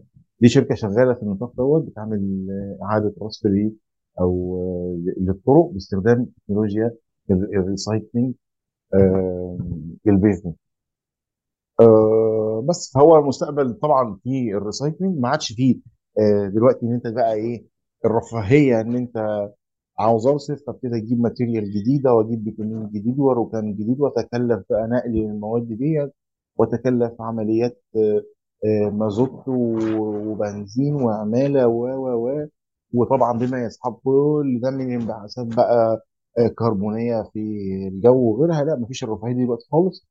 الموضوع كله بقى قائم على ال recycling بشكل كبير جدا والتكنولوجيا دي بتطبق في مصر على فكرة وعلى نطاق واسع دلوقتي يعني موجوده في مصر. طب سؤال من الأسئلة اللي كانت مهمة جدا بالنسبة لي فكرة أنا حد لسه داخل المجال. أنا عارف إن المجال كبير ومتشعب بس يعني هل في نصايح عامة حضرتك ممكن تقولها للناس اللي لسه داخلة المجال أو حد جوه المجال وعايز يكون شاطر ويطور من نفسه؟ إيه اللي ممكن يعمله أو إيه الخطوات اللي ممكن يمشي عليها؟ طيب آه أنا نصيحتي لو طالب هنقسمها جزئين حد لسه في الكلية وحد اتخرج خلاص تمام؟ آه لو طالب في الكلية في في مش هقول لكم مشكلة ولكن آه يعني إيه المجال بتاع النقل مش واخد حقه قوي آه مقارنة بالمجال بتاع الإنشاءات والخرسانات وكده. وللأسف اللي بيحصل معايا يعني أنا شخصيا إن طلبة كتير بعد ما بتخلص بيجوا يقولوا يعني دكتور هو أصلا ما فيش شغل غير في مجال النقل يعني يعني هو الش- الشغل اللي إحنا لقيناه بره حتى في سواء في مصر أو في الدول المجاوره في الخليج أو غيرها كل الشغل المطلوب في مجال النقل والترافيك فبيبتدوا بيفهم متأخر إن لأ ده أنا محتاج أبني نفسي في مجال النقل فبيبتدي يرجع يبتدي يسأل بقى طب هو آه، برامج إيه اللي هشتغل عليها؟ طب كودات إيه اللي هشتغل عليها؟ تمام؟ فأنا نصيحتي للطلبة اللي موجودة في كليات الهندسة إنها تبص للمجال ده بنظرة اعتبار بجانب المجالات التانية وخد قرارك يعني حطه في اعتباراتك مش من الأول تقول والله لا المجال ده إكس ويبقى الباقيين هم دول اللي اخد منهم قرار لأن بعد كده ممكن تندم على قرار ده. الحاجة الثانية الناس اللي خلصت وشغالة في المجال أنا نصيحتي ليهم إن آه، رقم واحد يتابعوا كل ال code of practice ال traditional والموجودة على مستوى العالم زي ال code of practice اللي بتنشرها ال TRB تمام؟ آه بتعمل كودات of practice لكل حاجة متعلقة بمجال بمجال النقل. حتى لو أنت عاوز تقيس ال customer satisfaction بتاعك تقيسه إزاي؟ إمتى؟ فين؟ إيه الأسئلة اللي تسالها شكل الأسئلة هيبقى عامل إزاي؟ ال survey statement شكلها عامل إزاي؟ ال analysis يبقى عامل إزاي كل حاجة يعني بيحطوا كود لكل ما يخطر في بالك متعلق بال finance ده في ال TRB مع- معلش يا. دكتور هي اسم اسم المنظمه إيه تاني بس عشان ما ما كانتش واضحة؟ transport transportation research board TRB تمام؟ آه، دي بتنشر كودات بتعمل بص ال TRB دي بتقسم project بيسموها كده project بيقول لك TCRP number 1 يديله رقم. TCRP كذا كذا كذا. يبقى ال TRB ده تحتيه TCRP. TCRP ده رقم. فكل رقم من دول شغال على concept معين. واحد مثلا شغال على ال accident analysis يقوم عامل لك كود كامل كامل manual كامل. accident analysis يقول لك bus system rail system metro system آه كذا system كل واحد من دول تعملوا analysis إزاي؟ خش على الرقم اللي بعديه يقول لك والله آه لو انت عاوز تعمل ال scheduling خش جوه ال manual ده تلاقي ال scheduling ده بتاع الباص سيستم الفيدر سيستم المترو سيستم السكيدول بتاعه بيتم إزاي؟ so on كل ما يخطر في بالك ممكن تلاقي مثلا في حدود 200 210 manual وخلي بالك إن الكودات دي هي اللي متاخد منها أو بتبقى reference كبير لكل ال organization اللي شغالة في النقل على مستوى العالم يعني. آه ممكن كل organization تعمل adaptation لنفسها ولكن ما فيش organization بتبتدي من ال zero يعني ما فيش organization بتيجي من ال zero تقول لك والله أنا بقى هخترع من الأول خالص كود خاص بيا عشان أحلل الحوادث. لا ما هو already موجود يبتدي يعملوا تطوير أو adaptation على حالته. طبعا محتاج إن أنت برضو ده إحنا اتكلمنا في قطاع النقل okay؟ لو اتكلمنا في قطاع ال infrastructure الطرق وال infrastructure بتاعت السكة الحديد وال infrastructure بتاعت المترو و عندنا كودات ال AASHTO لو محتاجه نقول الاسم نقوله تاني. كودات ال AASHTO أو ال code practice أو ال manuals بتاعت دي معروفة بيتهيألي. ودي بتستخدم في ال design أو ال structure وال geometric design بتاع الشبكات عموما networks عموما. تمام؟ معلش عذرا يا آه. دكتور يا ريت حضرتك تقوله تاني. AASHTO A A S H T O أو تمام؟ آه، دقيقة واحدة حتى لو ممكن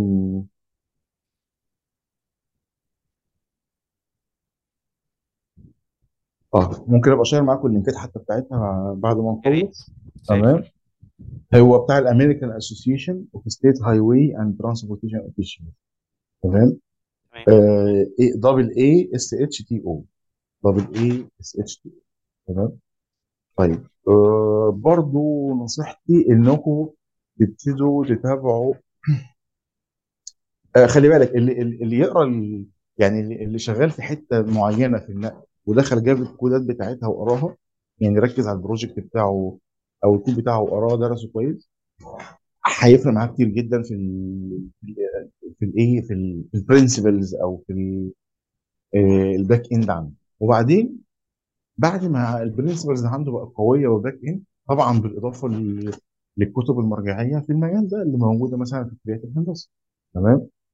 يبتدي بقى الخطوة الثانية أو step 2 إن هو يتابع ال initiatives أو المشاريع القايمة حاليا آه، اللي بتطور ال manuals وبتطور ال experience في الحتة بتاعته. تمام؟ كتير جدا لو أنت دخلت على LinkedIn دخلت على آه، حتى ال- هقول لك إيه الفيسبوك دخلت على تويتر. تابع تابع ال- المشاريع القايمة في المجال ده يعني وال initiatives في مبادرات كتير. على مستوى العالم آه، بتعمل مشاريع آه، في كل حتة في مجال النقل ولكن مثلا عندك في مبادرة اسمها TUMI U M I U M I دي Transforming Urban Mobility Initiative U M I ده project معمول تحت ال GIZ تمام؟ وبتبتدي TUMI ده شغال في كذا مدينة في العالم. فبيبتدي مثلا يقول لك والله إحنا شغالين على مدينة مثلا وليكن زي السنغال مثلا في دكار في السنغال. آه يبتدوا ينزلوا على الدكار السنغال. تشوف بقى هم درسوا إيه في المدينة؟ وحللوا إيه؟ وليه خدوا قرار إن هم يعملوا BRT أصل كان في احتياجات لواحد اثنين ثلاثة أربعة. فيبتدي عندك practice تمام؟ هم بيعملوا إيه؟ يعمل لك ال case study وبعدين يقوم يطلع لك manual يعني أقرب حاجة لسه إمبارح منزلين manual لحاجة أنت كنت بتسأل عليها يا باشمهندس مصطفى من شوية اللي هي manual لل recycling بتاع البطاريات اللي من اللي بتنتهي عمرها في الباصات الكهرباء. دي problem صغيرة كده عملوا لها manual من الخبرات اللي هم قاسوها في كذا مدينة على مستوى العالم. آه، عندك مبادرات كتير عندك آه، وليكن منظمة زي ال CODATU مثلا. CODATU دي في دكاترة كبيرة في مصر member فيها زي الدكتور آه، علي حزين. آه، طبعا. ده member في ال CODATU. ده زي بيت خبرة كده دولي في مجال النقل بيقدم خدمات آه، نقل ودراسات واستشارات في مجال النقل. عندك آه، كل ال initiatives بقى. أنت مجرد ما دخلت ال initiative هتلاقي الثانية هتقابلك والثالثه والرابعه so on تمام؟ آه فتيجي تتابع ال publications ديت. وإن شاء الله لو عارف مش لازم تقرأ كل report منها بالتفصيل يا جماعة يعني حتى خد overview كده. يعني آه والله ده أنا عرفت إن في manual جديد نزل بخصوص ال recycling بتاع ال batteries وكان ال major recommendation بتاعه السبع كلمات دول. خلاص okay مفيش مشكلة بس بقى عندك ال background أنت أنت بنيت experience بنيت knowledge تمام؟ آه بس. فأنت كده بتقوي نفسك على الجنبين الجنب الأولاني اللي هو الجنب ال practical آه وال continuous knowledge يعني. الجانب الثاني اللي هو جانب ال design اللي بتاخده من ال manuals بقى والمعادلات كذا. حلو جدا. هو ال ال ال الشيء الكويس برضو إن الحاجات دي دايما بتتطور. مش مش كتاب آه، صدر وخلاص. لأ الموضوع ده بيتطور دايما حتى في ال codes بتاعت ال ال ال الحوادث. لو في حادثة ما كانتش موجودة ممكن نشوفها وندرسها ونضيفها فالموضوع يعني عظيم جدا. آه، كنت عايز أعرف رأي حضرتك في أحسن آه، من وجهة نظرك يعني أحسن مشروع نقل في مصر آه، وأحسن مشروع في مصر برضو من وجهة نظرك بعيدا عن ال industry بتاعت ال transportation تمام. آه أنا okay لو اتكلمنا الأول على نطاق مشاريع النقل آه ف دايما مصر في الفترة الأخيرة كانت خدت قرار إنها تطور أو تستثمر في قطاع النقل. ليه؟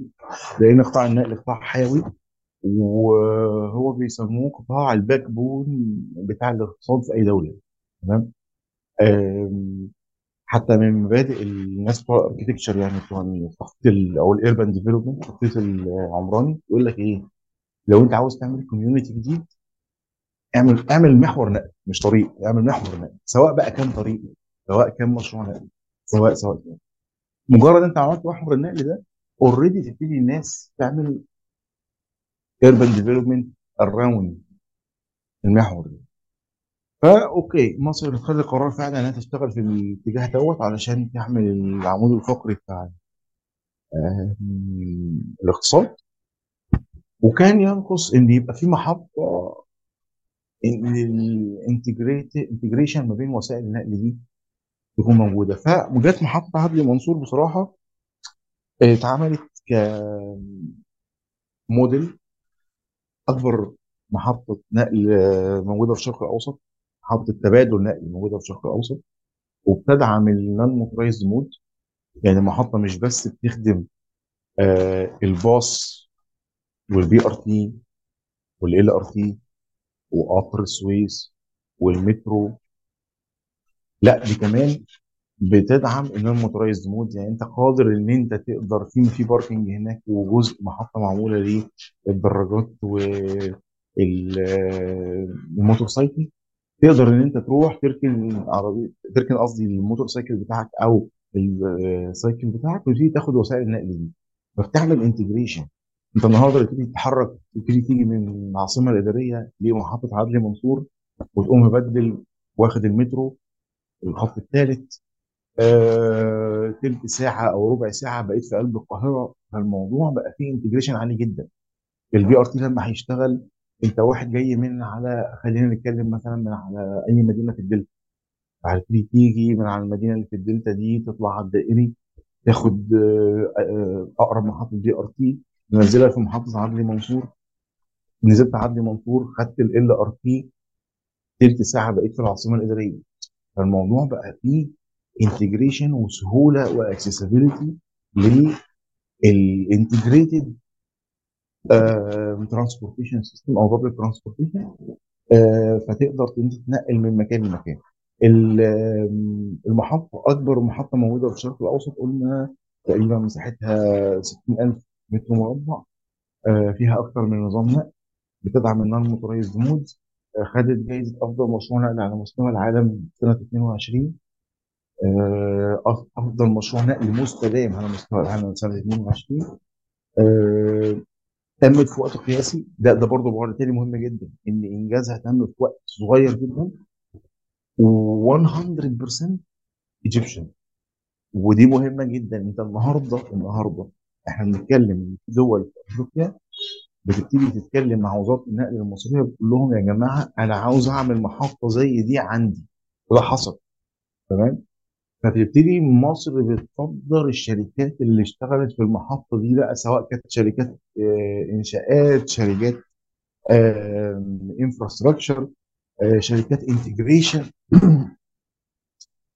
شركات بتعمل خدمات electromechanics. كل ده بيبتدي يتصدر بره مصر.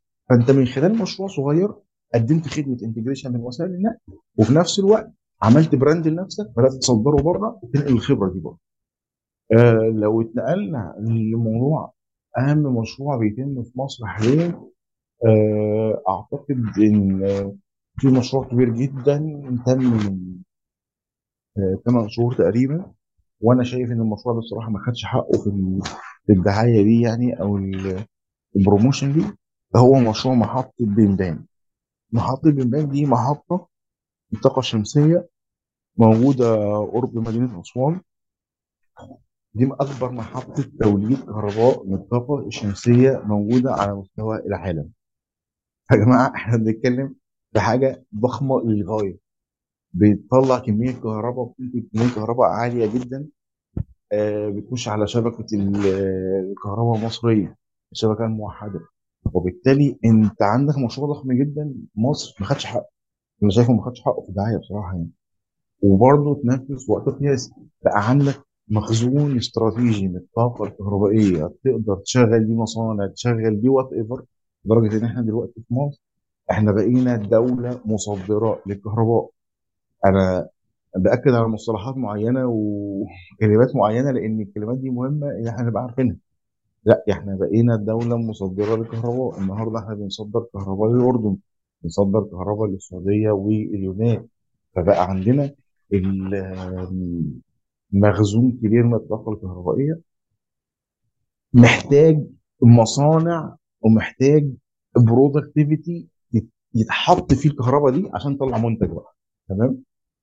فده من وجهة نظري ده آه، أهم مشروع mega structure اتنفذ. لفت نظري الفترة الاخيره بصراحه هو مشروع محطة بنبان للطاقة الشمسية.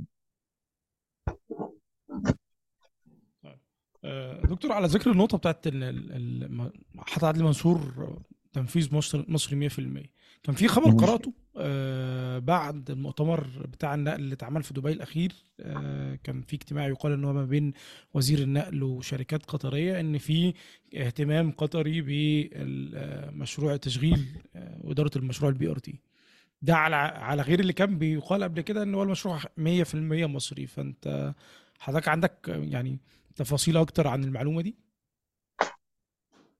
لا والله أنا ما عنديش تفاصيل لأن هو موضوع ال- بص الانشاءات طبعا مصرية 100% يعني يعني ال project نفسه كإنشاءات آه، هو مشروع مصري تمويل مصري 100% تمام؟ آه، ولكن موضوع ال operation ده ده آه، يعني مطروح لأي حد اللي ممكن يقدم عرض operation متاح يعني. خلي بالك إحنا مفيش قرار اتاخد بنسبة 100% إن شركة أكتا هي اللي هتاخد ال project operation ولكن شركة أكتا كانت involved في آم، الاجتماعات اللي كانت بتتم جلسات الاستشارية زيها زي أي حد. يعني كان في حتى شركات تانية الشركات اللي بت- بت- بت provide الشواحن مثلا الشركات اللي بت provide ال infrastructure وال integration كله بيحضر يعني في اجتماعات تنسيقية بتتم في في وزارة النقل فبيحضر وبيتم دعوتنا بشكل رسمي كشركة أكتر للحضور آه إنما القرار النهائي طبعا ده قرار وزارة النقل مين الأوبريتور اللي هيشتغل آه طبقا للقوانين واللوائح. وزارة النقل هي اللي هتطبق وهي اللي ه... يعني هتاخد القرار ده بما يتوافق مع القانون يعني. تمام؟ فمتاح وخلي بالك مش شركات قطريه بس في شركات حتى في فرنسا ابدت اهتمامها إنها تشغل BRT وفي شركات تانية جوه مصر ابدت اهتمامها إنها تشغل BRT. فهو ال project is open يعني all يعني. اللي عنده رغبة okay. آه، قدم ال proposal بتاعك قدم ال feasibility study بتاعتك. وإحنا لو لقيناه والله يتماشى مع آه، قانون عندنا ورؤيتنا مفيش مشاكل. إيه المشكلة وزاره النقل تختار يعني. تمام. تمام يا دكتور. طيب بما إن حضرتك دكتور آه، جامعي ومشيت في الموضوع بتاع البحث العلمي آم، آه، أنا عرفت إن حضرتك كنت بتبحث آه، يعني علميا في آه، مصر وفي كنت بحث علمي في مصر وكنت بحث علمي في فنلندا وفي اليابان. فكنت عايز حضرتك تتكلم معانا عن إزاي نطور البحث العلمي في مصر ونخليه يعني زي البلاد بره المتقدمة زي مثلا اليابان؟ وإيه الفروق الكبرى ما بيننا وما بين ال- ال- الدول ديت؟ okay تمام. آه، تمام. هو already حتى الآن يعني الحمد لله لسه شغال في مجال البحث العلمي يعني. آه، هو ده المجال الأساسي بتاعي يعني. بجانب مجال الاستشارات الهندسية آه، في مجال النقل إحنا محتاجين في مصر إن يبقى في انتجريشن بين ال- ال- ال- الصناعة والبحث العلمي تمام؟ محتاجين إن يعني بره القطاع الخاص حرفيا القطاع الخاص بيدعم البحث العلمي آه، بما يتوافق مع المبادئ الأخلاقية يعني البحث العلمي. يعني ما يبقاش الدعم ده إن أنا هدعمك في المقابل إنك تقول لي المنتج بتاعي حلو لأ. هو already هناك بيدعم علشان انت كبحث علمي تقدر تطلع له methodology جديدة أو product جديد هو يقدر ي promote ليه أو ياخده ينتجه. تمام؟ آه لا بره بصراحة آه الموضوع إن الشركات بتدعم البحث العلمي ده يعني حاجة كده زي المية والهواء يعني يعني هو أنت شركة أنت لازم تدعم البحث العلمي الموضوع مش مش مش رفاهية يعني. تمام؟ الحاجة الثانية محتاجين إن يبقى فيه آه تحديد لاتجاهات البحث العلمي بما يتماشى مع الترند اللي موجود حاليا. يعني إحنا ما ينفعش النهارده إحنا في سنة 2023 ونلاقي ناس يعني بتعمل أبحاث أو كده ما بتكلمش عن النطاق الهندسي أنا بتكلم عن النطاق in general يعني. معلش يعني يعني أبحاث اتهرست يعني بال- بالبلدي وبدل ما تتعب نفسك إن أنت تعمل عليها تجارب وتقرأ وت- وتطلع نتائج و و- طب ما تقرأ عنها ما هي معمولة already أصلا أنت بتضيع وقت ليه؟ يعني فاهم قصدي؟ فمحتاجين إن إحنا نكون متماشيين مع اتجاهات البحث العلمي والتطور السريع جدا اللي بيتم بشكل على مدار الساعة اتجاهات البحث العلمي تمام؟ بس ده اللي إحنا محتاجينه في مصر آه، في الفترة اللي جاية يعني أعتقد ده مهم آه، بجانب طبعا توافر الدعم المطلوب لإجراء التجارب والأبحاث للبحث العلمي في كل الجامعات المصرية.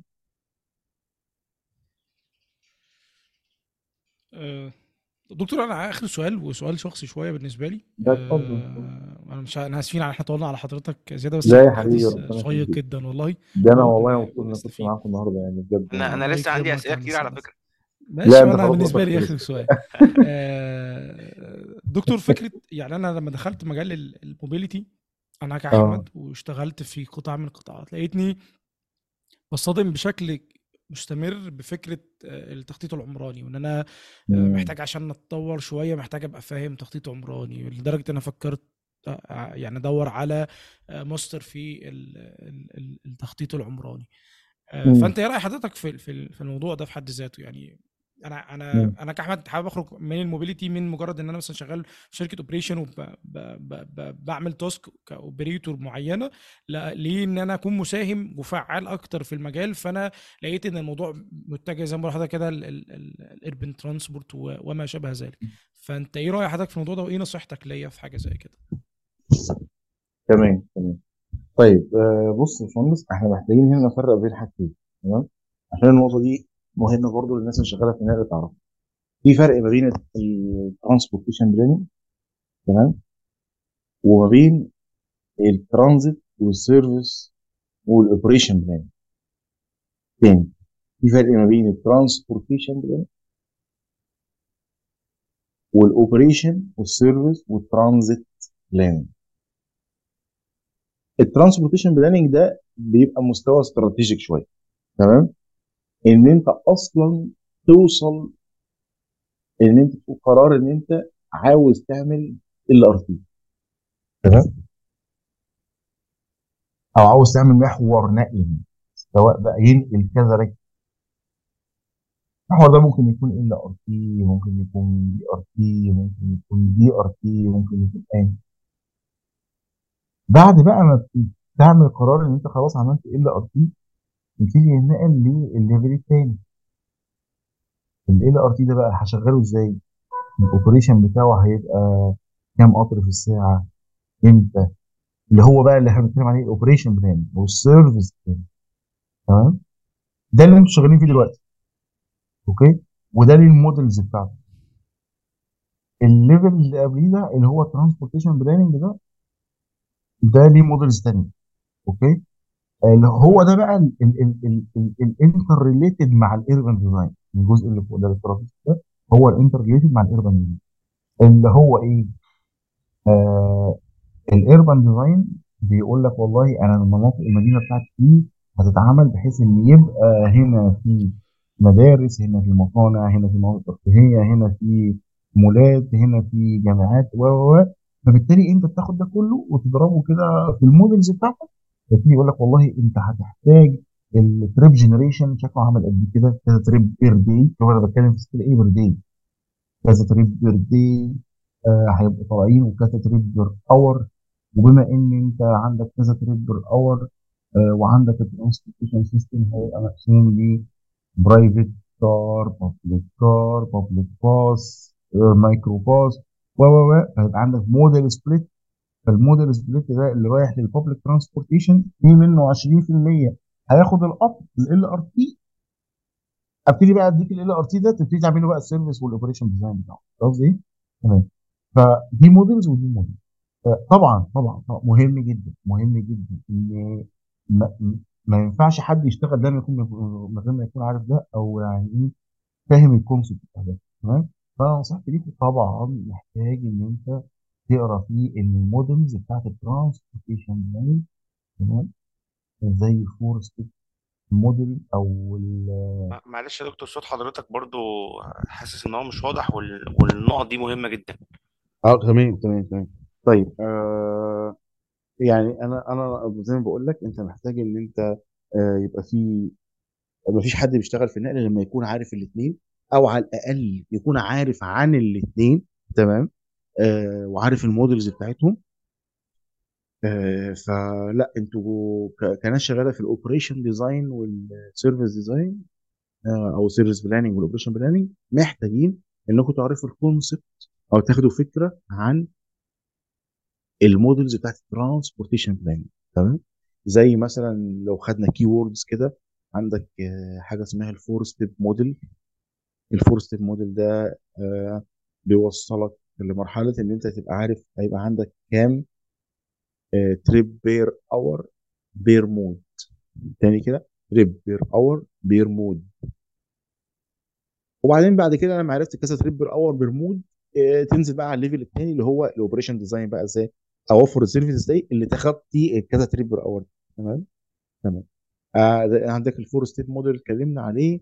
عندك آه نماذج تانية زي حاجة اسمها ال logistics ال logistic model آه ال logistic model برضه بيستخدم في ال transportation planning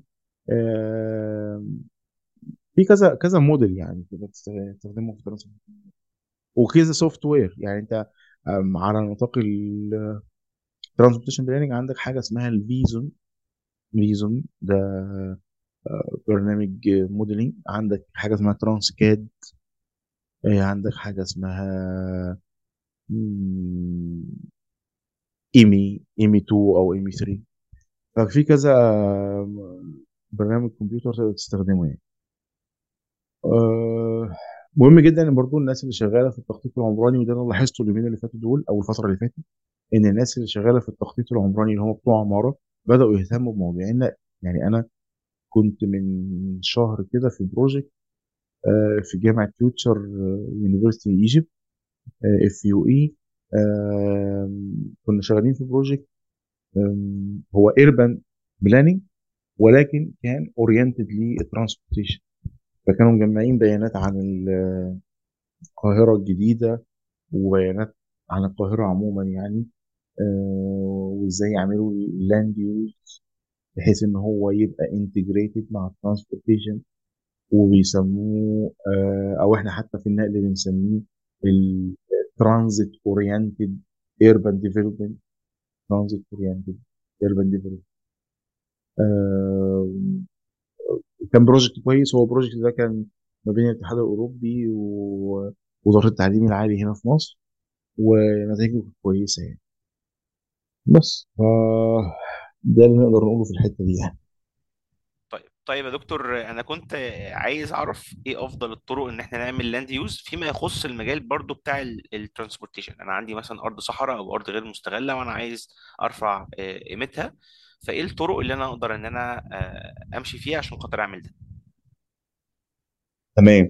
آه بص هو السؤال كده معرفش حاسه معكوس شوية أو ناقصه حاجة. آه من يعني بص يا سيدي إحنا دلوقتي لما بتيجي تعمل ال transportation planning فهو بيبقى حاجة من اتنين تمام؟ إما إنه بيتم بعد ال urban planning وده مش صح قوي يعني أو مع ال urban planning تمام؟ بس مش قبل ال urban planning okay؟ في حالات أنا اتكلمت عليها من شوية آه قلت لك إن أنت ممكن لو أنت عاوز تعمل تنمية تمام؟ اعمل محور نقل وسيبه تمام؟ فالناس هتبتدي تيجي تعمل تنمية حوالين المحور خلاص؟ ولكن التنمية دي بتبقى بشكل عشوائي. يعني أنا النهارده عندي أرض على الطريق الصحراوي خلاص؟ فأنا قررت والله أنا هعملها مزرعة اللي بعدي عملها فيلا اللي بعدي عملها مدينة سياحية اللي بعد اللي بعد اللي بعد فده عشوائي. إنما اللي إحنا بنتكلم في ال standard ال standard إيه بقى؟ إن مخطط النقل قعد مع المخطط المعماري يبتدوا يحطوا الاستراتيجيك فيجن بتاع المكان ده أو المدينة دي. أنت عاوز تعمل إيه؟ تقول لك والله أنا عاوز أعمل عاصمة إدارية جديدة. كويس جدا. في مكان كان بيعتبر صحراء. كويس جدا. زي الفل. طيب المدينة دي آه أنت بتقول اسمها إيه؟ أو والله اسمها عاصمة إدارية. كويس جدا. يعني أنت محتاج إن يكون فيها خدمات. آه طيب. تبتدي المخطط المعماري يقول لك والله أنا عاوز المنطقة دي يكون فيها مجمع المباني الحكومية. المنطقة دي فيها آه، منطقة جامعات. المنطقة دي منطقة سكنية واحد دي سكنية اثنين دي سكنية ثلاثة and so on يبقى land use كده اتحدد. okay؟ فابتدي بقى وجود مهندس النقل وهو موجود يقول له لا لا لا بص أنا هقول لك على حاجة. خلي بالك أنت ما ينفعش تعمل دي منطقة سكنية. ودي منطقة سكنية وتخلي لي المحور اللي في النص الرئيسي أو ال arterial اللي بينهم يكون آه عرضه 12 متر. انت إزاي عامله كده؟ ده أنا محتاج ان العرض بتاعه ده يكون قد كده. ليه؟ لأن انت لما قلت لي ان دي منطقة سكنية ودي منطقة سكنية ودي منطقة مدارس أنا شغال already على الموديل بتاعي دلوقتي جنبك اهو على الكمبيوتر. دخلت كل land use ده فطلع لي ان أنا محتاج حجم نقل أو trip دي قد كده والحجم ده مش هيتغطى غير ب mass transit. فال mass transit ده هيبقى BRT وال BRT ده محتاج lane لوحده وال lane دي قد كده وهكذا. وبالتالي و so so so محتاج العرض ده ما يقلش عن 18 متر. ففي interaction هنا العملية بتتم خلال interaction ما بين الاثنين قاعدين مع بعض ويتم ال design بينهم. حلو كده؟ آه بس ده, ده اللي عاوز اقوله لك. ففكرة ال land use آه إحنا هنا في مصر كنا في الأول بنبقى متأخرين خطوة. ال land use كان سابق ال land يعني ال land use سابق. وانت تيجي تقول يا نهار ابيض ده أنا عندي زحمة. طب اعمل إيه؟ يلا يا جماعة نعمل مترو يا نهار ابيض أنا محتاج اعمل BRT اصل الطريق الدائري بقى زحمة قوي. تمام؟ فكان ال driving driving بتاعك هو ال demand اللي جاي من ال land use وانت بتعمل responsive خلاص؟ انما الجديد انك دلوقتي بتعمل interaction parallel ما بين الاثنين المهندس النقل مع مهندس تخطيط عمراني وعاوز أقول لك زي ما قلت لك مثلا من شوية آه، حاجة زي ال Future University Egypt جامعة المستقبل آه، الناس اللي عاملة project ده project نقل ده يا جماعة project نقل تمام من الاتحاد الأوروبي ومشاركة مع وزارة التعليم العالي والناس دي بتاعت قسم عمارة تخطيط عمراني بس هو أصلا مشروع نقل. حلو؟ فدي كانت فكرة كويسة جدا الناس حتى من الناحية المعمارية. آه، المشروع عرفهم عرف حتى الطلبة هناك إن يعني إيه نماذج نقل. يعني إيه software أنا عاوز أقول لكم إن كان من نتائج المشروع ده إن المشروع جاب license software لجامعة المستقبل للبرامج بتاعة تخطيط النقل آه، والبرامج دي كانت غالية على فكرة تمام؟ وبقت موجودة في المعمل بتاع ال urban design يعني برامج تخطيط النقل موجودة دلوقتي على أجهزة جوه ال urban design laboratory اللي موجود في جامعة المستقبل. فده ال integration اللي أنا بقول لكم عليه وده المهم جدا إنه يحصل. تمام يا دكتور شكرا جزيلا. شكرا جزيلا آه، إحنا شاكرين جدا لحضرتك يا دكتور.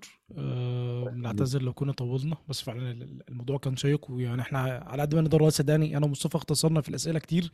آه، فإن شاء الله على يعني على أمل نظبط سيمينار تاني وحضرتك تتكلم فيه باستفاضة وتعرض آه، الجرافات والأرقام. ومرة تانية حابين نشكر حضرتك جدا إن أنت شرفتنا في ال- في البودكاست. و آه، يعني أنت مساعدة جدا جدا جدا والله بالمحتوى اللي إحنا سمعناه. الله يخليك وأنا أسعد والله وبإذن الله نتقابل مع بعض تاني. وأنا اتشرفت بيكم يا جماعة ومعاكم في أي وقت يعني. يعني. شكرا جزيلا شكرا شكرا جزيلا يا جزيلا. شكرا. الله يخليك.